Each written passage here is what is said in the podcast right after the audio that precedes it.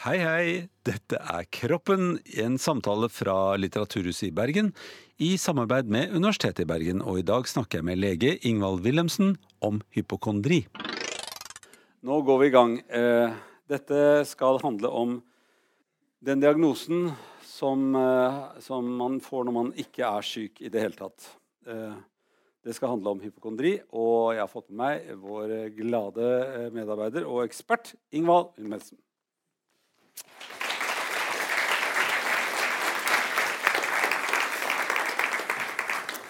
Ingvar, eh, alle så at du gikk litt sånn humpete. Ja.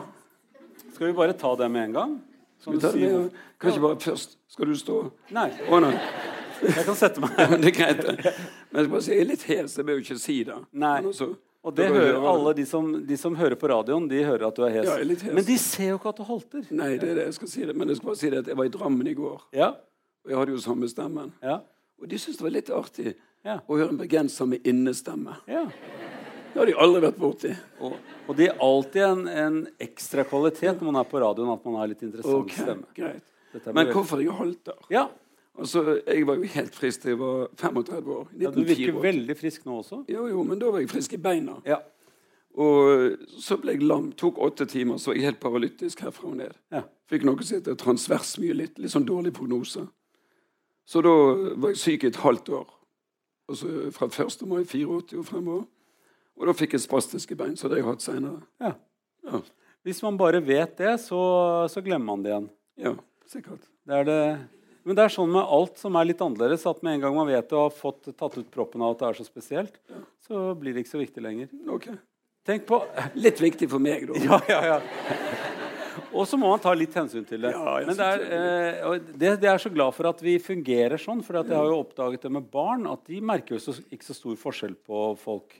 De merker jo bare hva de har på seg av klær, eller hvordan de, eh, hvordan de danser, eller hvordan de synger. Så jeg hadde min yngste datter på en skole hvor eh, jeg skulle hente henne og hennes nye venninne. Og da sa hun hun har akkurat samme klær som meg og ser akkurat like ut som meg. Og da mente hun på håret. Eh, og så lette jeg veldig etter den venninnen, og det viste seg at hun var da beksvart i huden. Det hadde ikke vært noe interessant for henne i det hele tatt. Så hva som er interessant, og hva som ikke er noe interessant, det styrer jo hjernen.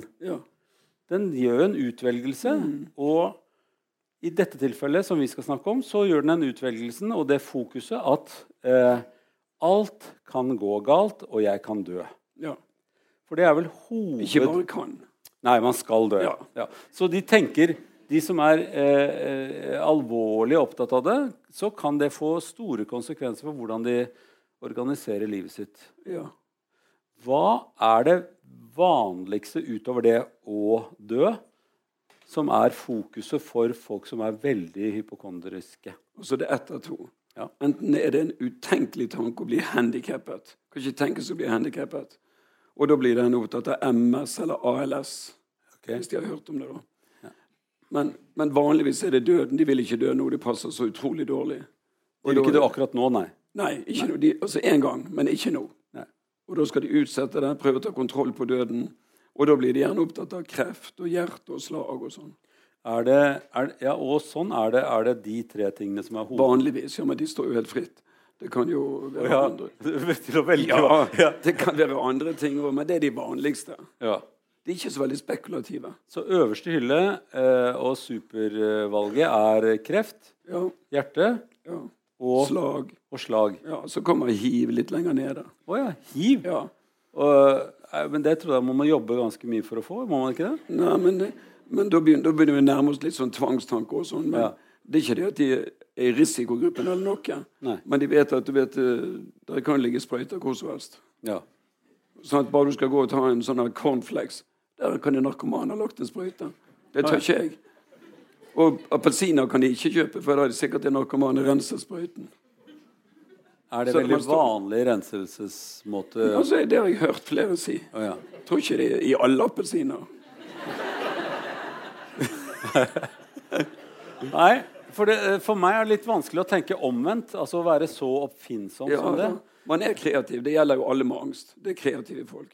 Ja, jeg er jo litt engstelig, jeg også, jeg som er så Ja, kreativ. ja. Ja, selvfølgelig Man må jo komme på ting. Ja, Hvordan skulle jeg ellers ha skrevet Ja, det eh, det. teaterstykker? Det er jo, Ja, man må finne vitser og sånt. Man må alltid finne på. Eh, at, bortsett fra av og til så er det sånn at virkeligheten serverer vitser. Jeg, hadde, jeg, jeg skal fortelle deg vitsen nå. Og den kom fra virkeligheten. Vi var på en restaurant for et par dager siden. Og så sa damen etter at vi hadde spist forretten eh, Kan jeg rydde her? Så sa jeg ja, ja, ja. Og så tok hun bort ting, og så ventet hun litt med den brødskålen. Og så sa, jeg, sa hun Skal det la brødet stå? Og akkurat den setningen tror jeg ikke man kan bruke hvis man er mann. Ikke sant? Da tenkte jeg vits. Det var det første, første jeg tenkte på. Og i så måte så ville jeg vært en perfekt hypokonder. Jeg ville funnet på så mye som nå blir vitser, på en måte. Men Og hele hypokondrigreiene er jo et slags vitseområde for noen. Og så blir det ikke tatt alvorlig. De som virkelig sliter med dette i livet. Det kan du si. For hvordan, hvordan, hvordan sliter de? Altså Hvis man får som prosjekt å ikke dø, eller ikke bli handikappet, så er det spørsmålet hvordan gjør du det? Jeg spør jo, hvordan gjør du det? Hvordan unngår du å dø? Vet du hva du skal dø av? Har du fått en sånn åpenbaring? De har ikke peiling hva de skal dø av. Ja, men hva, hva gjør du da? Nei, du, du må iallfall følge med, sier de. Hvis du ikke skal dø. Å ja, skal du gå bredt ut og demme opp for alle dødsårsaker? Har det vært logisk? Nei, du får nå velge deg en sykdom. Så velger de seg en sykdom, og så blir de opptatt av den. Og hvis du skal hindre noe å komme, eller prøve å hindre det, eller oppdage med en gang det kommer, så sier du til hjernen gjerne 'følg med'. Ja. Hvis det er hjertet, for eksempel, du er redd for, følg med i brystregionen. Her er noe på gang. Hvis ikke du er våken, kan det koste oss livet. Ja. Og hjernen er jo veldig lydig, gjør jo akkurat som den får beskjed om. Setter på radaren, skanneren, så får de masse symptomer her. Og da blir de livredd, for da må det jo være noe. Så kommer binyren i aktivitet og angstsymptomene, og så blir det slitsomt. Ja. Så dette fyller dagen med Ja. slit? Ja, med grubling særlig. Ja. Tenkning, følge med, sjekke, kontrollere, gå til lege. Men de går ofte på jobb. Det er ikke sånn at de sitter hjemme. Veldig få som er er sykemeldt av det, faktisk. For det er litt distraherende å gå på jobb. Da får du fri litt grann fra alt dette. Men er det, er det uh, Unnskyld at jeg blir fantasifull med en gang. Men er det, er det sånn at Nå sa du veldig sånn eh, litt sånn forretningsmessig Har du tenkt å gå bredt ut? Altså, eh, Går de bredt ut og leter i hele registeret? Eller er det kreft og hjerte og slag som Jo, det er jo sykdommer. Ja. Men noen spesialiserer seg på én sykdom. Okay. Bare kreft, f.eks. Ikke opptatt av hjertet i det hele tatt. Andre går jo bredt ut og er mer som generalister. Tar alt som er farlig. Og det er ikke alltid så De må si det høyt før de hører sjøl at dette er litt spesielt. For eksempel en hun var helt sikker på at hun kom til å dø ung av kreft. Hun var overbevist. Hun var i 50-årene. Er du sikker på at du kommer til å dø ung av kreft? Ja, det var hun helt overbevist om. Jeg måtte bare si at det er dessverre for seint. Ja. Så du kan iallfall endre til middelaldrende. Ja. Og så spurte jeg henne også hvorfor akkurat kreft. Hun hadde et resonnement, men hun hørte jo selv når hun sa det, at det var ikke så utrolig godt. For hun sa at du skjønner at alle i vår familie dør av hjertet. Noen må nå dø av kreft. Det ville jo vært bedre å skifte til hjertet, da. På én måte, men hun valgte kreft. Noen må dø av det òg. ja. I Jens familie? Ja, hun Ja. mente det. Ja. Det er sikkert hun, men hun hører det. Det er jo det som er så fint for folk å si høyt. Ja. For da får de et valg. Skal du mene dette videre? Ja, ja og, og de fleste som er hypokondere, velger jo det, da. At, eh, eller skifter de til en annen sykdom? Nei, det er mer sjelden. Ja. Så hvis du først har bestemt deg for at jeg kommer til å dø av kreft, og det er kjempefarlig, jeg må følge med, så er det det som er prosjektet til en hypokonder. Ja, vanligvis. Ja. De, de er ikke sånn som hopper rundt fra organ til organ. Nei. Er det noen som spesialiserer seg på det organet? da? Det, altså, kreft er jo veldig diffust. Og Ja, ja, Du kan jo velge forskjellige typer kreft. Mm. Men uh, mange tar bare generelt. Og så, Da kan du være opptatt av mange forskjellige. Jeg spør jo vanligvis folk i første timen hvor har du hatt kreft egentlig. Og så sier han jeg har det i leveren og i tarmene og brystene og faktisk også hjernen. Så de kjøper hele spørsmålet hvor de har hatt kreft. Og da vi snakke, snakker vi nå om tenkt kreft eller ekte kreft. Ja. Så skiller vi litt mellom de to, da. Mm. For det er jo veldig stor forskjell. Sånn at Det ene er jo en tanke, det andre er jo en sykdom. Jeg må innrømme at jeg har hatt eh, ganske stor kreftsvulst i, eh, på medisinerstudiet Ja. i hjernen. Den gikk også over i løpet av ca. en uke. Ja. For at jeg hadde tenkt litt over at det var sannsynlig, og da var det jo ikke så sannsynlig. Så jeg er jo lett å overbevise da, Ja. internt. Ja, ja. Men man, det er jo farer overalt. Så på en måte så har jo hypokonderen litt rett også. At det, noen må jo gå og passe på alt dette her. Altså Det som de har rett i, er at alt kan skje. Ja. Men så er spørsmålet hvordan skal vi forholde oss til at alt kan skje? For det er veldig mye av det som kan skje, som ikke skjer. Og det å bruke livet til å ikke dø, det blir jo da et prosjekt. Og det er jo meningsløst når du ikke vet hva du skal dø av. Jeg mener at du kan bruke livet til å leve. Så tar vi døden når den melder seg. Ja. Eller som eh, det står i et norsk dikt, du dør så sakte at du tror du lever. Så må jeg sette det litt på hodet. Jo, jo, men det var jo Nietzsche sa jo det at, eh, at livet er den tiden det tar å dø. Men det er jo litt, litt sånn negativ vinkling. Altså tar han ikke med det foran og bak. Nei, det er det. Det er det. Ja. Men eh, hvis du for, for du kommer i samtale med disse her Ja. som, som har eh, eh, et sånt prosjekt at Ja. de ikke skal dø nå, før de må. Mm.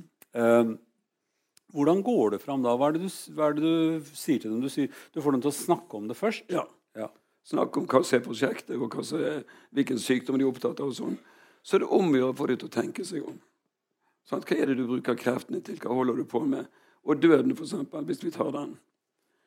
Den er jo prinsipielt ukontrollerbar. Så jeg spør de, er du villig til å være dødelig. Du bør ikke ha et positivt syn på døden, det er jo ikke normalt. Men er du villig til å akseptere at du faktisk får null kontroll? Og de fleste sier i prinsippet ja, men ikke nå. Nei. Ja, Da må jeg spørre hvorfor passer det så dårlig å dø nå? Og der kan jeg faktisk ha ganske gode argumenter, Ja. uten at det hjelper så veldig. En ung mor hun sa 'Jeg har små barn hjemme', det må jo du òg forstå, Wilhelmsen. Kan ikke dø fra små barn. Jeg forstår selvfølgelig at det er veldig uheldig. Men jeg spurte akkurat henne 'Du har ikke en mann der hjemme?' Jo, sa hun, jeg har en mann der hjemme. Men som hun sa, du vet, ungene mine de skal nå bli følelsesmessig normale òg. Så jeg må være der. Ja, Hun mente det var ikke nok med mat og penger. Hun hadde jo et poeng, men det hadde, Ja, hørte jo ikke hjemme i, det på diagnoselisten, Synes jeg. Nei, nei, men eh, det er døden altså, de Ja. er opptatt av. Og da må de akseptere De må tenke gjennom sitt holdning til døden. Men hvis vi blir filosofiske, så er jo dette eh, litt av hovedpoenget med at vi lever. Det er at eneste vi vet, er at vi skal dø. Ja. Og at det at eh, Det er kanskje ikke hovedpoenget. Nei, men, Nei, men etter, etter, er jo jo et noe av mellom der. hovedprinsippene Ja, det kan jeg være enig i. at eh, Ja, det kan du være enig i. eh, enn så lenge så har eh, kroppen det i seg at den går over Ja. på en eller annen måte. Eller den blir ødelagt av andre grunner. Ja. Andre grunner er selvfølgelig en vanskelig ting å forholde seg til. Mm. Fordi at andre grunner kan jo være ting rundt deg som du bør være litt redd for. da. Ja, for seg, Ja, Ja, F.eks. dødelige slanger. ja. ja. Ikke? Det er jo, det, Man må ikke eh, erte på seg dem. Nei. Men, og andre ting. Man bør ikke gå under hus som er i ferd med å rase ned, Nei. og tenke at man kan holde dem oppe. For eksempel. Sånne ting er det ikke noe vits i å drive med. Nei, det er enig. Ja, og det, sånn at det er jo også tankestoff, tenker jeg. Betydelig tankestoff. Ja, og, og i, i, i den tankestoffboksen så ligger vel eh, at det er lurt å være redd for noe. Ja, Angst er jo en fantastisk sak. Jeg er veldig for angst. Ja. Jeg sier jo det til de pasientene. Jeg snakker mye med angstpasienter. Jeg er veldig for angst, jeg sier til dem. For det mener jeg sjøl er en gudgitt gave. Det at vi har denne angstreaksjonen. Binyrer, adrenalinpumpe, stresshormoner. Ja, Og ikke minst fru Amygdala som sitter Ja, der. for det tolkes jo, og så gis det beskjed til binyrene. Ja. Altså, nå sa jeg masse sånn anatomisk, rett og slett Ja. bare for å matche deg. Jo, men det er greit, er- Vi har, vi, har sånn, vi har noen ting som vi har lært av deg, nå, siden jeg snakket om slanger. Noen lært, ting vi har lært av utviklingen av mennesket. Absolutt. Da har vi jo lært av dyr før oss, holdt jeg på å si, at eh, ta med denne lille beskjeden fra den hjernen vi har holdt på med i flere millioner år. Det er ikke noe lurt å tulle med slanger. Og Det er ikke noe lurt å hoppe ut i havet uten å kunne komme inn på land. Og det er ikke lurt å plassere seg under rast jord. Ja, og det er det Sånne ting er vi jo At de der angstene egentlig er ganske nyttige. Ja. For hadde ikke hatt de, så hadde ikke overlevd som menneskehet. Nei. Klaustrofobi, eksempel. Den gangen vi bodde i skogen eller med alle dyrene. Du vil ikke gå inn i alle huler du ser, for der ligger løven klar. Ja. Men nå er det ikke så mange løver i heisene her, da. Nei. Så du bør ikke overføre det dit. Men altså Angsten er i prinsippet en livreddende sak. En Ja, så vi har dette i oss. Ja. På en eller annen måte så er noe av det i oss. Noe Ja. av det er nyttig. Men så er det en ubalanse da plutselig. Ja, det er det som er problemet, er at disse, den angstreaksjonen som er så fantastisk flott Hvis du tolker noe som skummelt, farlig eller truende, så sjekker ikke binyren eller amygdala som snakker om oppi her, og, hypofysen og alt det, sjekker ikke om du har tolket rett. Så da kommer hele reaksjonen. Det er derfor det er så viktig å tolke verden rett, sånn at vi reserverer angsten for det som er farlig. Så, eh, eh, så han som skal hjelpe deg med hypokondri, han er ikke mot angst. Nei, han, for, Ja, han er for angst. for angst. Men eh, er det at det må plasseres riktig, eller er det Ja. dosen som er riktig? Nei, det, det er plasseringen. Ja. For hvis du er i livsfare, så skal du være livredd. ja. Det er ikke noe do, så skal du være kjemperedd, så redd som du kan bli. ja. Du kan ikke, hvis du kommer i en løve mot deg, så kan du ikke si ja, ja, ja, vent lite grann. Da kan man ikke ta den. Nei, du kan ikke dra den. Nei. Og jeg sier jo til pasientene jeg kommer ikke til å behandle deg sånn at du blir angstfri. Nei. Det skulle tatt seg ut. Jeg hadde mistet det i første lyskryss. Ja, men jeg hadde det. Sånn at rød mann, det driter nå vi i. Ja. Vi har vært hos Wilhelmsen, så det var ikke så farlig. Det har ligget strødd nede på sykehuset. Ja. Men han skal være velplassert. Ja. Velplassert, og eh, i den grad det er nødvendig, så er det nødvendig. Ja, Ja. fantastisk. Så det å være livredd for døden eh, er én ting, og det å være livredd for å dø akkurat nå ved å gå inn under det huset som er i ferd med å falle ned, det er, det er to forskjellige ting. på en hold, måte. ja, hold deg unna. Ja, hold deg unna, rett og slett. Ja. Eh, hvis du holder deg unna hus som detter ned, og andre livsfarlige ting, Ja. Så eh, hører ikke redsel for døden så veldig godt hjemme der. Altså, den redsel for døden skal også være velplassert, sånn som du sier. Men å ha det som prosjekt og ikke dø, det er det som blir for travelt. For da går det med binyrene påskrudd, og det er så utrolig trøttende. De må skrus av. Og det gjør du Det må du gjøre her oppe, da. Du må si til hjernen f.eks.: Faren er foreløpig avlåst. Ja. Nå har jeg valgt å stole på kroppen min inntil videre. Så du må gå inn i en slags kontrakt, midlertidig kontrakt med kroppen Ja.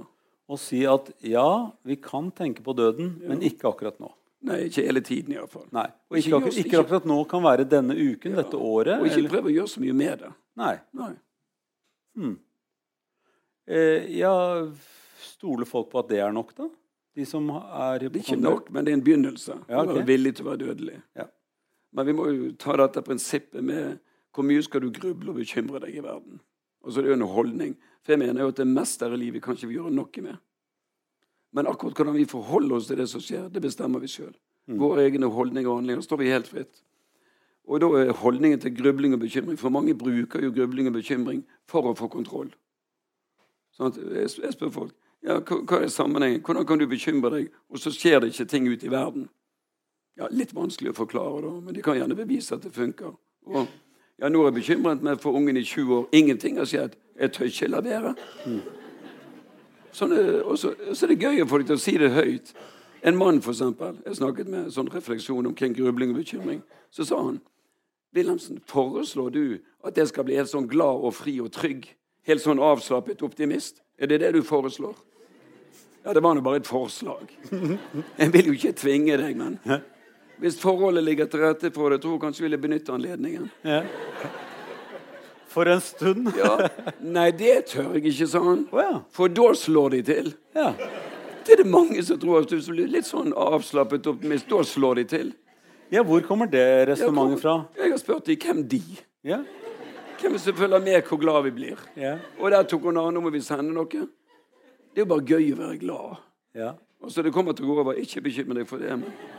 Og jeg sier til dem jeg tar regelmessig glede på forskudd sjøl. Ja. Helt regelmessig. Og hvis det ikke skjer, så har den gleden. ja. Og slår det til, så er det dobbel glede. ja. Men ut, utrolig mange intelligente folk holder igjen på gleden. Forferdelig. Jeg jobbet sammen med en sykepleier fra, fra utlandet et sted, og hun sa, eh, hun sa at hver gang hun lo, så sa hun 'Jeg ler i dag, i morgen kan jeg gråte'.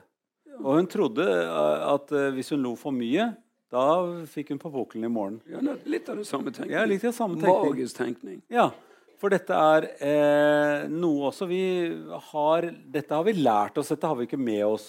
Altså Vi har ikke med oss sånn som slangen, så vi har med oss Den litt. ja, den er med. Den er med. Men, men det, det magiske i at hvis man gjør sånn, så går det troll i ord, eller så, så, kommer nøkken og tar deg. Ja, alt det der. ja, men det, hva, hva, hva har det vært eh, til bruk for, tror du? Nei, Sikkert for å lage vitser og sånne oh, ja. Gode- fortellinger. For kreativitet er jo, det er jo fantastisk hvis man kan bruke det til noe positivt. Tjene penger eller noe sånt.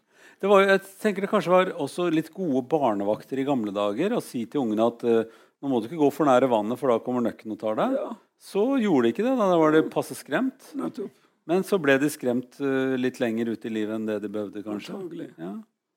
Jeg hadde en onkel som, som eh, hver gang han gikk ut og tiste om natten, eh, for det måtte man gjøre når han var liten, så sa han 'Jeg ser deg nok, jeg ser deg nok'.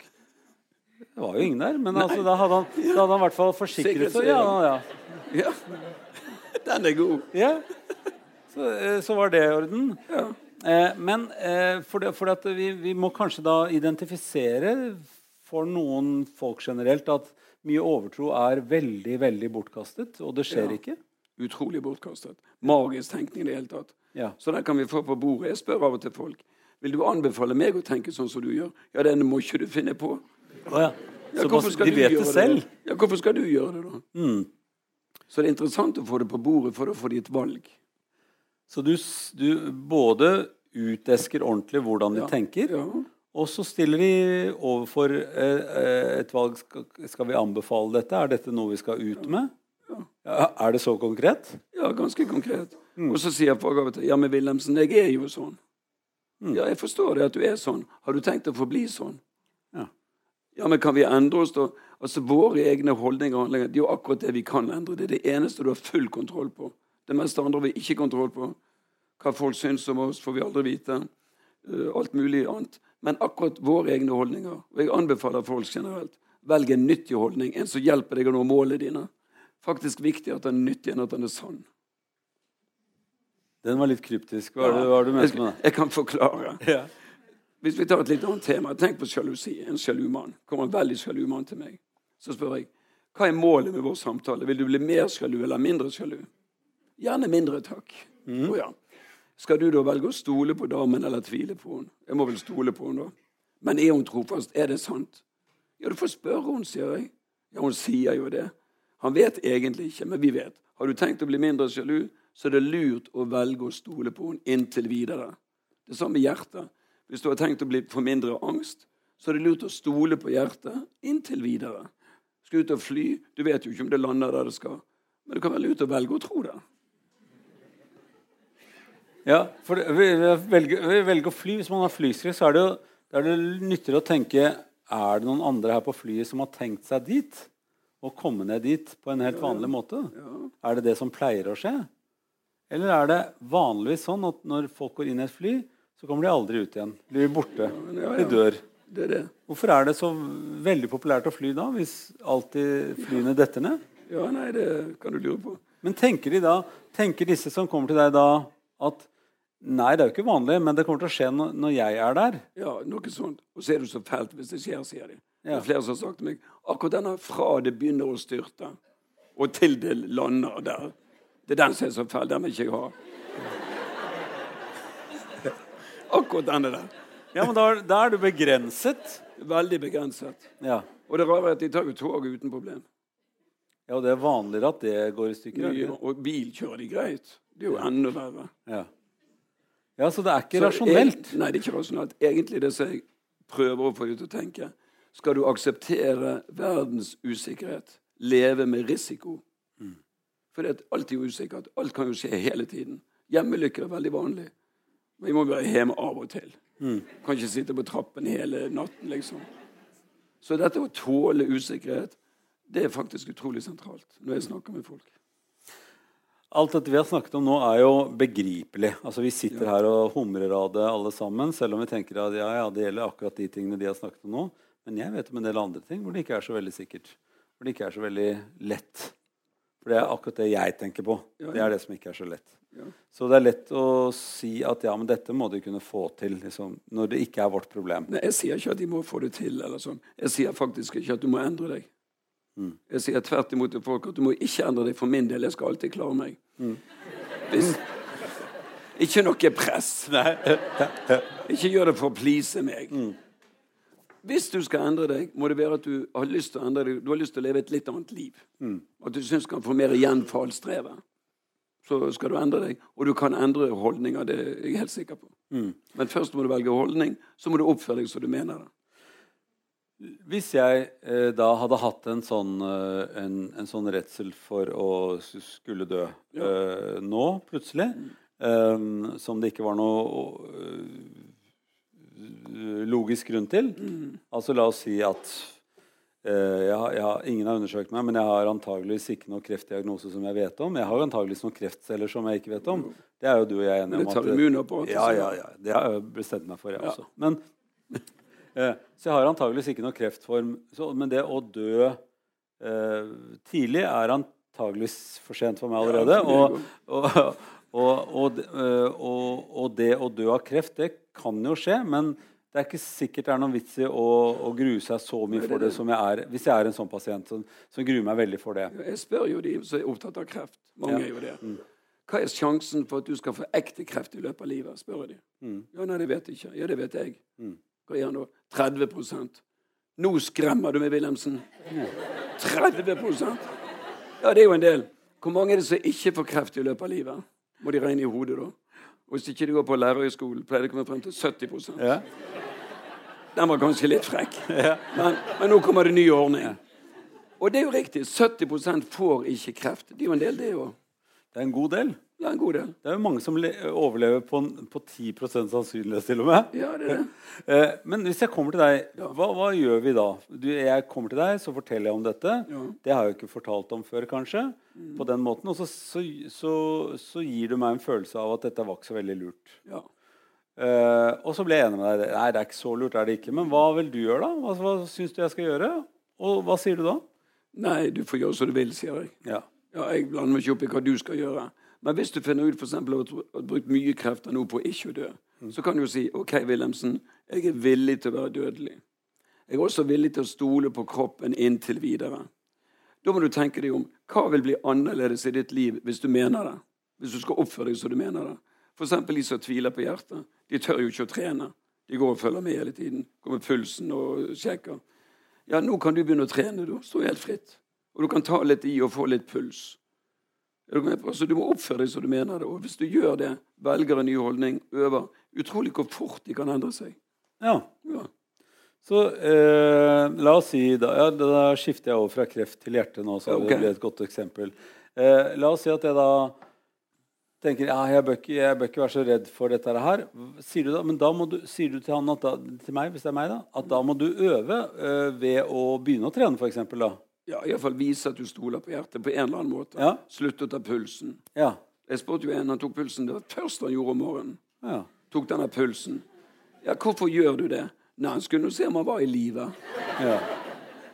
Og jeg mente det må nå være andre måter å sjekke det på Ja. enn å ta pulsen. Så tenkte han litt, så sa han ja, hvis jeg går ut på badet, det er et veldig godt tegn. ja. Da behøver du nesten ikke ta pulsen. Nei, så det vil si at eh, det For han ville det være å ikke ta pulsen. Ja. Det måtte han øve på. Ja, det må han øve på. Våkner om morgenen, har lyst til å ta pulsen, ikke ta pulsen. Nei, for eksempel. Gå ut på badet, og så tror jeg du omtrent har glemt. Ja, og så bare gå videre i livet. Ja. Ok. Så det er helt sånn konkret. Veldig man, konkret. Ja. Og det finner de ut sjøl. ja. At de finner, akkurat som en sjalu mann. Mm. Hvis han skal velge på å stole på damen, hva blir annerledes? Jeg må slutte med de forhørene, da. Ja. Kan du bare reise på seminar, da? Ja, akkurat. Og ikke uh, sjekke mail eller Ja, uh, alt det alt. Alt det der. Og det skjønner folk godt hva de skal slutte med. Ja. De skal unngå Men du vet, hvis man har angst, så unngår man ting, eller man prøver å sikre seg. Mm. Begge de skal du slutte med. Sikre seg og unngå ting. Ja, du skal unngå unngåelser, Ja. og så skal du slutte å sikre deg. For du klarer ikke å sikre deg likevel. Nei. Men det høres veldig lett ut når du sier dette, og vi er her. Høres lett ut. Ja. Det sier folk til meg. Wilhelmsen, det høres så enkelt ut når du forklarer ting. Ja. Og jeg på, Var det veldig dumt? At det skulle forklart det litt vanskeligere, Det skulle vært veldig vanskelig. Ja. Helt uforståelig. ja. Så sier de av og til så lett for deg å si. Ja. Jo, jo, jeg har jo sagt det utrolig mange ganger. Men gjør det noe om det er lett å si, da? Og så skal jeg bare si sånne ting som jeg nesten ikke får uttrykt. Ja. Sitter og leter etter ordene og alt dette. Jeg mener faktisk at prinsippene i livet er ikke så vanskelig. Det er så vanskelig å leve etter dem. Mm. Det er derfor vi må øve. Ja, Så da står det igjen at, at den der øvelsen er egentlig det vanskelige. ja. Det er å erkjenne det, og så ta noen beslutninger. Ja, det går fort. Ja, I hvert fall med hodet. Ja. Men når kroppen igjen begynner å fungere, og hodet kobler seg til de vante veiene, så kanskje den ikke har lyst likevel, da. For eksempel hvis man bestemmer seg for at nå skal jeg slutte med denne grublingen. Jeg får jo tankene mine. Jeg skal slutte å dulle med dem. Jeg skal slutte å følge dem til bitter end. Jeg skal se på det som en hendelse i sinnet. De fleste tankene er jo tull. Det er jo hendelser i sinnet. Så skal jeg bare ta fakta. Det som er sant, det skal jeg greie å forholde meg til. Men da må du altså øve på å la tanker komme uten å dulle så veldig med dem. Ja. Bare la de komme og gå. Putt dem på en sky, pleier jeg å anbefale. Kan de drifte av gårde. Ny katastrofetanke. Har det skjedd? Har jeg fått diagnosen? Ikke det jeg vet. Rett på skyen. Ja, og bokstavelig eh, talt, hvordan gjør man det? Ja, Da må du få tanken. Så kan du spørre deg sjøl har jeg fått diagnosen. Hvis ikke, ja, da får du en øvelse å ikke dulle med han. F.eks. handle på han, gruble to the bitter end. Men det var en mann som sa til meg akkurat det som du sier, der, at det ble litt abstrakt med skyer og tanker. Ja. Kan jeg få det litt mer konkret? Ja, du kan jo, sa jeg, hvis du vil, skrive hele katastrofetanken på en lapp. Kan du legge det i en boks? Kan du ligge der og putre? Du ikke ta det innover deg foreløpig. Kan du merke boksen 'interessante, men ubesvarlige spørsmål'? Det er jo verden full av. Gjorde han det? Ja, han syntes det var en god idé, men så kom han på jeg har et problem til. Jeg sa han har ikke noe boks hjemme. Ja. Iallfall ikke den størrelsen jeg trenger. Hva gjør jeg da? Ja. Så før jeg kom på noe, så sa han jeg har veldig mange konvolutter hjemme. Så han lurte på kan jeg få lov til å legge de lappene i konvolutt.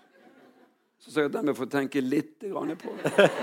Fordi at det spørsmålet har jeg aldri fått før. Så jeg sa til han jeg hadde noe helst sett at du brukte boks. Siden det var det jeg foreslo. Jeg er nå liksom terapeuten her. Men det er greit. Du er en kjekk kar. Så, uh, Så skal, Og han har sagt det senere. Det funker flott. ja. Så nå sier jeg det til folk. Skriv sånne lapper, du. Legg det i boks eller konvolutt.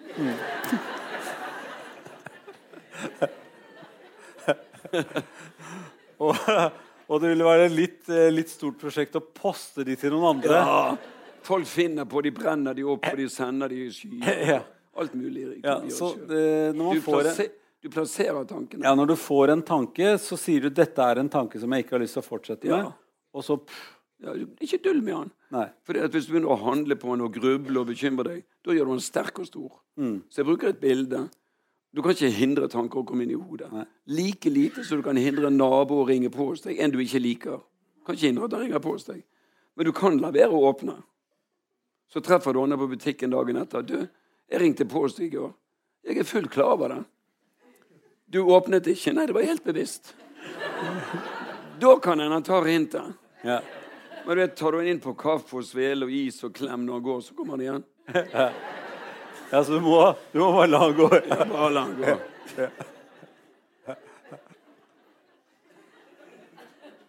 Jeg er med på den. Den er du med på. Eh, eh, vi har et hus hvor vi har en nabo som eh, er ganske vanskelig, men han bor i gaten bak oss. Okay. Eh, dette er ikke i Norge, så jeg kan godt si det. Jeg ikke snakker han norsk heller. Nei. Og da sa han som, eh, som hjalp oss å pusse opp eh, Din nabo, han er ikke fin, men du treffer han aldri. For at han bor bak deg. Ja, ja. Eh, og noen ganger så kan man tenke sånn at dette her er veldig tilfeldig kjennskap. Jeg bare lar det passere. og, og det fine er, slutter du å gi de tankene veldig oppmerksomhet, mister interessen for dem, så gidder de ikke komme til Nei. slutt. Rett og slett. Ja. Er det samme med som hvis man har øvet lenge på noe man er engstelig for, og sånt noe, og har tråkket opp en slags ny, eh, ny måte å være på? Mm. Eh, er det sånn da at de gamle sporene gror litt igjen? Ja. Og så blir det nye automatisert etter hvert. Ja. Du ikke tenke så I begynnelsen må du være veldig bevisst. Du må være bevisst kompetent. Ja. Og så, når du har holdt på en god stund, så blir du ubevisst kompetent. Så det med tanker er også sånn at hvis du øver deg på å la tanker forsvinne inn i mørket eller opp på en sky eller ned på en lapp, så etter en stund, når du har gjort det, så, så vil du automatisk kanskje slutte med å tenke på at det er det du gjør. For jeg tror dette hjelper folk å akseptere at tanker er bare tanker. Det er hendelser i sinnet. Og det meste er jo tull. Så Ja. du ikke tar det så veldig alvorlig. Nei. Ja. Ja. Det meste du tenker er tull, men det meste du gjør, er jo veldig konkret, da. Jo da, men det kan være tull, det òg. Ja, det kan det jo være. Jeg er helt enig. Ja, det kan være voldsomt tull. Ja, vi gjør masse tull. Ja. Før hadde er- sjekk, eksempel. Hva for noe? Sjekk i banken. Sjekk, ja. Ja, det var veldig tullete. ja i, dag, I dag, ja. Ja, nå har vi gått over til noe annet. Ja. Har et annet system. ja. Så, så det går altså an å forandre på konkrete ting Ja. også. Man, man må ikke gjøre det sånn som man alltid har gjort. At man må med tvangstang for eksempel, vaske hendene åtte ganger, Nei, og veldig mye telling og tull. Og, Nei, du må ikke det. nei, man kan legge opp til Og- å bare vaske seg én gang. Og løsningen på det der er du må akseptere at det er en tanke, og at det er ingen sammenheng mellom din tanke og de ritualene og hva som skjer i verden. Skal unngå katastrofer. Hva er sammenhengen da? At du teller så og så lenge og vasker så og så lenge? Kan du unngå en katastrofe et annet sted i landet? Ja, Det er jo veldig vanskelig å forklare. Og jeg vet jo hvorfor det er vanskelig å forklare. Det er ingen sammenheng. Nei. Og det er sammenheng mellom tullete ting også. Altså, eh, sånn som hvor mange fredager det er i uken, er like mange, mange som antall folk man er gift med, f.eks. Det Ja, det var jo tullete greier. var en tullete sammenligning. det var mange rare spørsmål. Ja. Det var en som spurte meg en gang du Wilhelmsen, er barnløshet arvelig. Burde tatt en Ja, IQ-test, ja, kanskje. Ja, Ja, det er interessant. Ja, det er interessant. Ja, for det er, jo- det er jo et veldig, det. veldig dårlig forskningsprosjekt. Ja, Ja, det. Eh, Nei, så jeg tror ikke det, sa jeg. Nei, det ville jeg også sagt. Ja, Etter en liten pause, bare så så ut som jeg hadde tenkt litt. det. Eh, Men nå, eh, nå har vi vært inne på både eh, tankens kraft, grubling, øving og, eh, og eh, sånne mystiske ting som ikke stemmer med virkeligheten. Ja. Eh, men flaks og uflaks er jo Ja. i dette her fenomenrekken av ting som har mye å bety. Jeg mener at det er veldig undervurdert. Mm. Flaks og uflaks. Ja. I forretningsliv og, og kreft og greier. Har snakket med folk som har ekte kreft. Mm. Og de lurer på hvorfor meg? Hvorfor skulle jeg få dette her? Og det var, jeg, snakket, jeg holdt et foredrag for unge kvinner med brystkreft. De var under 40 år når de fikk brystkreft, alle sammen. Hadde egen landsforening. Og jeg holdt et foredrag. Og mange av de spurte hvorfor skulle jeg få det så ung. Ja, har du det der genet som vi snakker om? Nei, det var det de ikke hadde. Ja, da tror jeg jeg vet hvorfor du fikk det. Og uflaks. Må ikke gruble mer over det. Noen lurte på har jeg gjort noe i barnehagen. Er det en straff? Ja, Tenk om du fant på det, og hva du hadde gjort. Å ja, nå kom jeg på det. Jeg stakk ut øyet på en av de andre. Er det det de har gjort, de som får kreft? Jeg spurte de der ja, Noen Wenche Foss fikk brystkreft. Lurte du på hva hun hadde gjort? Ja. Det har ingenting å si. Altså, det er ikke straff. Det er flaks og uflaks. Så, eh, så det kan man jo irritere seg over. Selvfølgelig. Eller det kan være litt avslappende òg. Ja. At vi ikke får kontroll på så utrolig mange ting. Eh, Det ville jo vært veldig rart eh, hvis man ikke reagerte i det hele tatt på flaks eller uflaks. Altså hvis, var, hvis man eh, hadde vunnet i Lotto og fått to millioner og ikke hadde noen reaksjon, hadde ikke det vært litt rart? Utrolig rart. Ja. Jeg tror jeg ville blitt glad. Ja, Det det jeg tror jeg ville valgt, det også. Ja, Men jeg blir jo litt forbauset. ja det òg. Det kan være mange miksfølelser. Ja. Og hva skal du bruke de til? Ja, Vil man kjøpe veldig mange lodd og aldri vinner noen ting, ville du også blitt litt sånn irritert, merker jeg. Ok. Ja, jeg tar ikke så mye lodd. Men... Nei, det er det man ikke gjør. Nei, det er det man Det er ikke det, man gjør. tar jo ikke lodd. Nei. Nei. Og da Eh, vinner du aldri. Nei, det er det du ikke gjør. Eh, Men flaks og uflaks er jo veldig, veldig stor sammenheng med medisin. Altså det å Sykdom generelt. Noen treffer ikke riktig lege, noen får ikke riktig behandling. Ja. No, altså det er masse flaks og uflaks. En del. Og det sier jo pasienten. Noen blir født, noen blir ikke født. Ja. Er. Hypokonderen sier til meg Ja, men Wilhelmsen, sier de. Leger kan ta feil. Ja, men det er helt sant, sier jeg. Det kan du òg. Det er ikke bare leger som kan ta feil. Mm. Da må du velge hvem du skal stole på. En velutdannet, kompetent type har nå ofte rett, men han kan ta feil. Eller skulle, skulle du stole på en livredd amatør? Ja. Som hittil har hatt feil i 100% av sine antakelser. må du velge. Vi greier ikke å sikre oss. Nei, jeg er helt enig. Hvis Og det med flaks, kan jeg bare få kommentere? Ja, absolutt. Altså, av og til så leser vi sånne beretninger. Folk som har kjempet mot kreften og vunnet. Det, jeg sjekker alltid hvilken type kreft kjempet de mot. For noen er veldig mye lettere å kjempe mot enn andre. For vi har en tendens til å gjøre sånne helter av de som kjempet og vant. Så hva med de som døde? Da kjempet ikke de nok. Så det er det som det kunne stått i de artiklene. At pasienten hadde litt flaks med typen kreft og fikk god behandling. Det er ikke noe heltegreie. Og hadde flaks med at de hadde gener i kroppen som Ja. akkurat hjalp mot Ja. denne typen kreft. Så vi får ikke kontroll på liv og død. Det er der vi må bare akseptere. Og så det der å kjempe hele tiden. Tror du det er lurt av og til å slappe litt av og la av de biene få litt fred, selv om du har en ekte sykdom? Ja, det er, altså, det, dette er jo det Et av dine forbilder er jo kongen. Ja, ja. Han har jo fantastiske filosofiske ting i forhold til det å være sjuk og sånt. Nå Ja. har jo, tar jo, tok jo kjempesjanse nå når han i alder av både én og to år og, øh, var alene i jungelen Ja. uten hjelp og langt fra Og sikkerhetsvaktene fikk ikke være med ut. Nei da, og ikke ville han ha med seg ekstra seng Nei, og spesiell mat eller noen ting. Ja. Uh, og uh, man, da tenker jeg sånn Ja, hvor, uh, går det ikke an å tenke litt sånn som kongen, at vi har like mange hjelpere, vi andre også? Ja, vi har jo det. Vi har hele helsevesenet, og vi har hele familien og alt mulig. Nettopp. Men du vet, han har akseptert at han er dødelig, Ja. at han får ikke kontroll. Så inntil videre så bruker han livet til å leve. Ja. Og det er jo ikke noe dum holdning. Det var, jeg så forresten på TV når han skulle ha hjerteopereres. Det var litt morsomt. Han er jo vittig.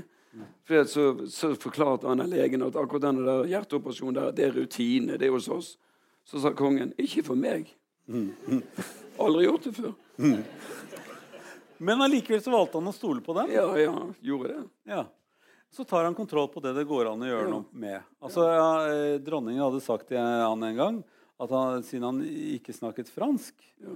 ennå, så sa hun at det, det er aldri for sent å lære seg å snakke fransk. Så Ja. sa han så flott, da kan jeg vente litt grann til. Ja, Kjempeflott. ja. Altså Selve holdningen syns jeg er veldig fin. For Han har jo valgt hva kan jeg gjøre noe med, hva kan jeg ikke gjøre noe med. Ja, veldig flott.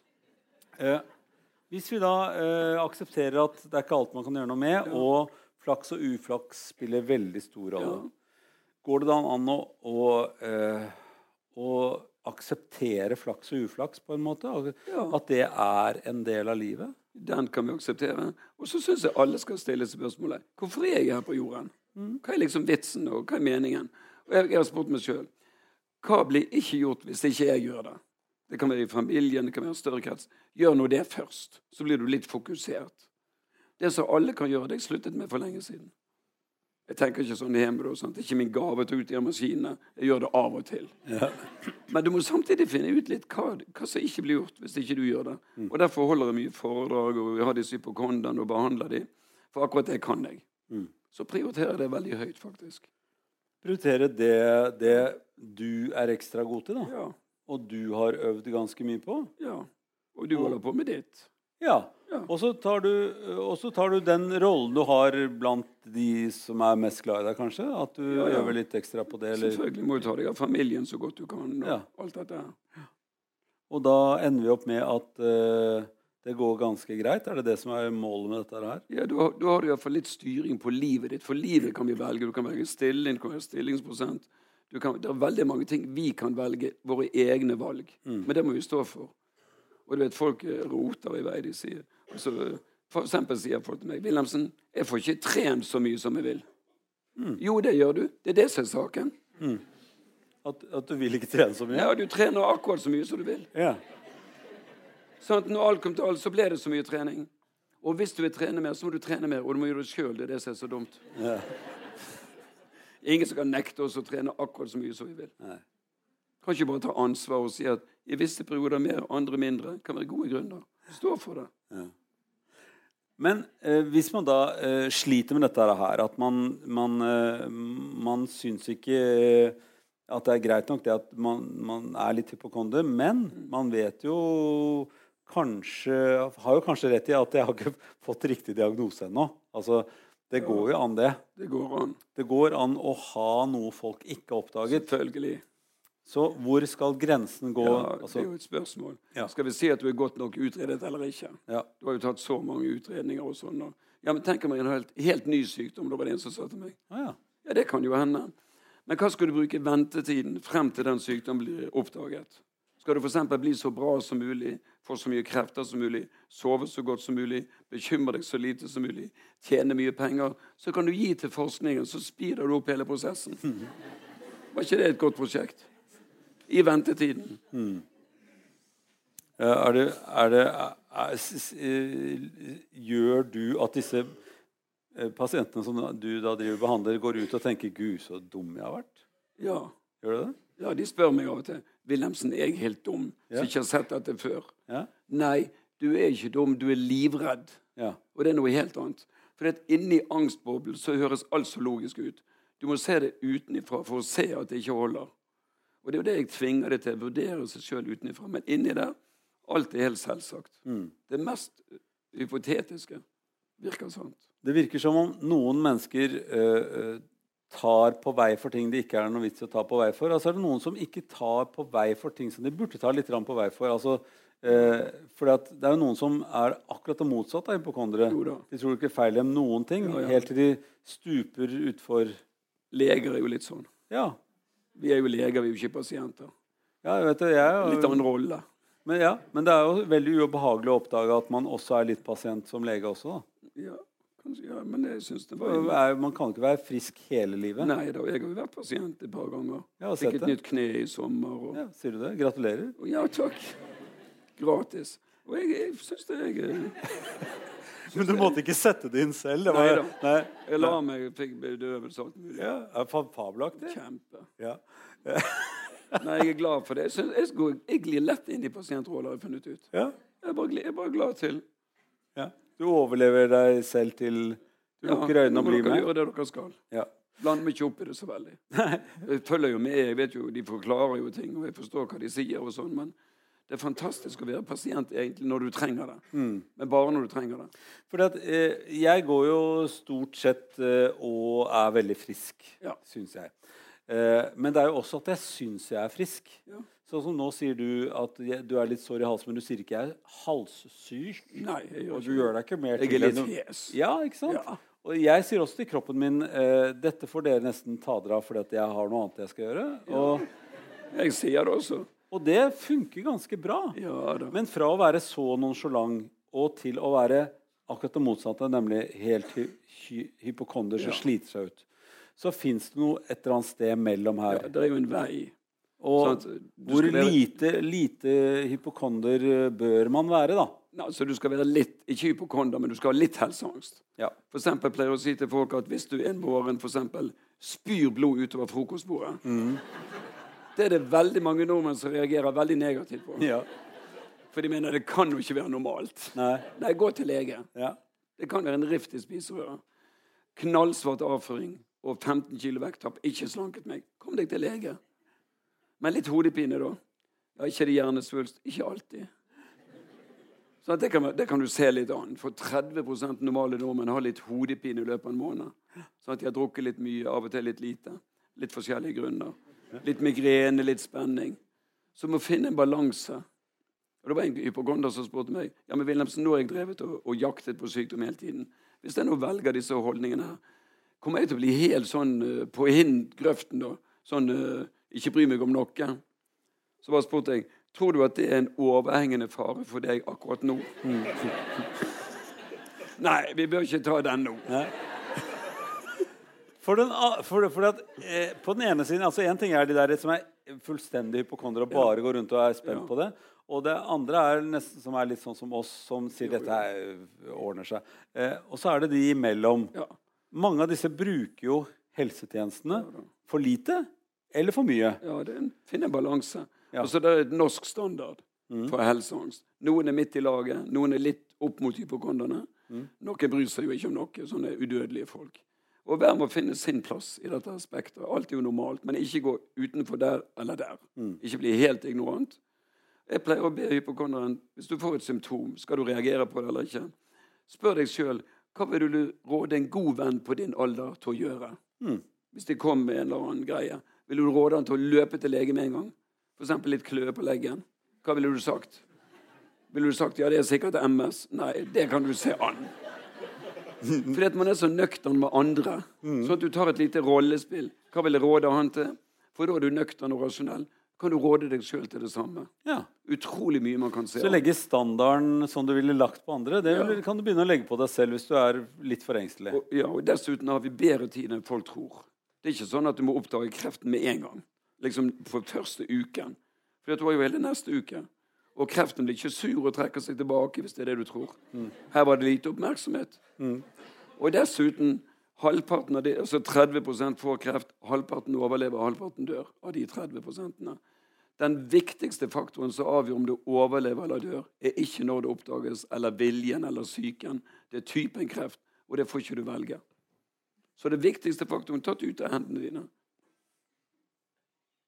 Det er lompent gjort, dette her, er det ikke det? det? Ja. Sånn er det. Ja, Mot folk som, som, som går og, og, og, fyller livet sitt med denne bekymringen. Men det er utrolig frigjørende å Ja. slippe å, å skulle bruke livet til å ikke dø. Ja. Da står du helt fritt. Kan reise hvor du vil, gjøre som du vil. Da var en kar jeg snakket med som hadde tvilt på hjertet i årevis. Så han hadde vært i USA i ungdommen. Han kom seg jo aldri til USA. Så fant han ut jeg kan jo velge å stole på hjertet. Han ble helt vill. Og han reiste direkte til New York. Ja. Og så kom han tilbake med et spørsmål. Du Wilhelmsen, nå har jeg hatt hjerteangst i 20 år. Bør jeg bli litt deprimert nå når jeg tenker på alt jeg har tapt? All den tiden. Så jeg måtte bare spørre han. Nå har du altså vært redd i 20 år. Tenkte at du skulle ta en depresjon på toppen. Ja. Orker du en depresjon nå? Nei, jeg orker ikke, sa han. Og da valgte han å ikke ta den? Ja, for alle gleder seg over at de er endelig fri. Ja. For eh, det, det, På den ene siden så burde jo Nå driver du og selger veldig at det er ikke så ille som det kan virke. Jo, det kan være veldig ille. Ja, men, Ekte ting. ja, ekte ting. Og de må vi ta. Ja. Og det er, det er det å, å bekymre seg for ting som ikke, viser seg å ikke være ekte. Ja, At det må, nå er det bevist nok. ikke sant? Ja. De, de kommer jo til deg eh, ikke som førstemann. De kommer ikke sånn Nei. Nei, nå, eh, nå må jeg gå til hypokonderlegen. De kommer til hypokonderlegen Ja, sist. Da har de vært historie. hos veldig mange leger. Undersøkt, undersøkt, undersøkt. Ingen tror på meg at jeg er syk. Ja. Og så kommer de til deg, og så sier du eh, Hva sier du da? Nei, nå har du nå må vi tenke oss om eh, For det er jo litt rart, sier jeg, så godt som du undersøkte, at de ikke finner noe. Mm. Så eh, vi må iallfall snakke om noen prinsipper her i livet. Hva bruker du livet til? Og Da kommer dette med døden, usikkerhet, bekymring. Så kommer det på bordet, og da er vi inne i en refleksjon. Mm. Og da forstår de jeg er litt ute å kjøre. De, de aller fleste, ikke alle, men ca. 70% snur. Da, eh, men får de et annet forhold til eh, de som da ikke funnet noen ting? Altså de andre legene. Ja, at, ja det, det spørs nå hvilket forhold. Mange er nå ganske godt forhold til legen sin. Bare at de Ja. ja. Det er ikke mange som er så veldig negative og skifter hele tiden. og sånn. Eh, Men eh, er det, er det noen som etterpå tenker liksom, at dette burde jeg kanskje ha fortalt de andre at, at jeg burde ikke ha brukt så mye av deres tid? Jo da, de kan få litt sånn skyldfølelse for at, eh, at de har brukt mye tid og penger og sånn, men det er nå mest for din egen del, sier jeg. Hvis du nå skal ha dårlig samvittighet for det Dårlig samvittighet er jo også Samvittigheten er jo en fin sak, det òg, men den bør reserveres når du har gjort noe galt. Men du var jo bare livredd. Og det er ikke sånn at hypokonderne skal ha så mye oppmerksomhet og, og omsorg og sånn. De er bare ekte livredd. Og den oppmerksomheten de får er ofte negativ. Det slår jo ikke an med tenkt kreft i vennekretsen. Det blir ikke noe, noe særlig blomster av det. Nei. Og det er jo ikke noe sjekketriks heller. Sånn at du kommer ut Jeg er dessuten hypokonder. Men en, en, ender de opp med et, eh, et annet prosjekt? Er det noen som bare bytter til eh, en helt annen strategi ganske sånn, sånn etter to timer hos deg? Til en helt ny strategi? Og, Altså noe annet negativt? Ja, nei. Det Nei. er veldig lite sånn der, eh, at de erstatter hypokondrien med sosial angst, f.eks. Eller ja. tvert imot. Folk finner ut at hovedproblemet med angst er nemlig at du prøver å få kontroll på noe som er ukontrollerbart. F.eks. hva for en om. Sosial angst. Jeg spør folk er det viktig for deg hva folk tenker og mener om deg. Ja da, veldig viktig. Ok. Ja, Så de følger med, monitorerer andre menneskers tanker og følelsesliv. Ja, Pleier du å intervjue folk regelmessig hva de syns om deg? Går du rundt og spør? Nei, det gjør det ikke. Syns du sa det var viktig for deg? Jo, det er viktig. Ja, men Hvordan finner du ut hva de syns om deg? da? Nei, jeg tipper, sier de. Jeg spurte en voksen mann en gang. Hvordan kan du vite at du tipper rett? Jo da, sånn, du vet, jeg har drevet lenge med dette. Så de forstår at du får aldri vite hva folk syns om deg. Du kan altså dybdeintervjue, de kan lure deg. Så hver gang du prøver å få kontroll på noe prinsipielt ukontrollerbart Voksne barn som går rundt og gjør som de vil. Du ikke bekymre deg for dem. Fly, da kan du velge hva du skal tro. Alt dette er ukontrollerbare. Og når de først har knokket koden, så går det heller sånn at de generaliserer til andre felt. Så blir de bra på alle felt. Mm. Det er mye vanligere enn at de finner seg noe nytt de skal kontrollere. Mm. Så det vi har snakket om nå, er jo egentlig at dette er mennesker som Det er det. er helt sikre på at det er et eller annet galt Ja. med kroppen deres. Ja, enten er de sikre eller redd for å få Ja. det. Det. Og du sier at de er livredde for å få det. Ja. er det som er hovedproblemet. Ja. Og, så, eh, og så sitter jo hele problemet ikke i kroppen. Nei. Det sitter i tankeverden. Ja. Og den har de kontroll på, så de kan bestemme seg selv om de vil fortsette med det eller la være. ja. Det er jo en, en, en helt ny verden plutselig, da. Og så er det faktisk veldig lurt å ta ned angsten. Du kan iallfall slutte med angsten. Mm. Fordi at Hvis du legger på angst og katastrofetenkning, så kommer jo binyrenaktivitet. Da får du smerter, du får hjertebank, du får svimmelhet. Og det skal blande seg med de andre symptomene dine. Ta nå ned angsten, sånn at hvis du har en ekte sykdom et eller annet sted, så kan den stå litt tydeligere frem. Ja. Slipper gjennom alt det der villniset med angstsymptomer. Så tar den iallfall ned angsten. Den vet vi at du har. Ja. Det andre vet vi jo ikke. Nei. Så, eh, og dette er hjernekraft. Ja, det er Og den, den, de, de har, den, den kraften går det an å få kontroll på. Ja, selvfølgelig. Ja. Tankene kan du ta. Selvfølgelig. Det var så lett sagt. Ja, men det, det jo, det er jo de det må, dette kan- må jo øve på dette. Jo da, men det er det eneste vi kan virkelig bestemme. Hvordan vi forholder oss til tankene våre. Du kan ikke hindre at de kommer. Du hører noe, du ser noe. Det er greit. Men du bestemmer hvordan du forholder deg til dem. Mm. Det vi ikke får tid til her, det er Ja. tankepauser. For dette vi, Nå har vi snakket en hel time sammen, Ja. og egentlig skulle vi hatt tankepause mellom hver tanke du presenterte, for å la den synke litt ned, okay. så man kunne få gjort noe med livet sitt. Hvis man har denne type problemer. Eh, men tankepausene de vil jeg nå eh, bare sende en masse, så de kan stappe disse tankepausene innimellom alt det vi har sagt. Så kan de tenke på det en gang til, for det kan de bestemme selv. Helt enig. Takk for oss. Takk for.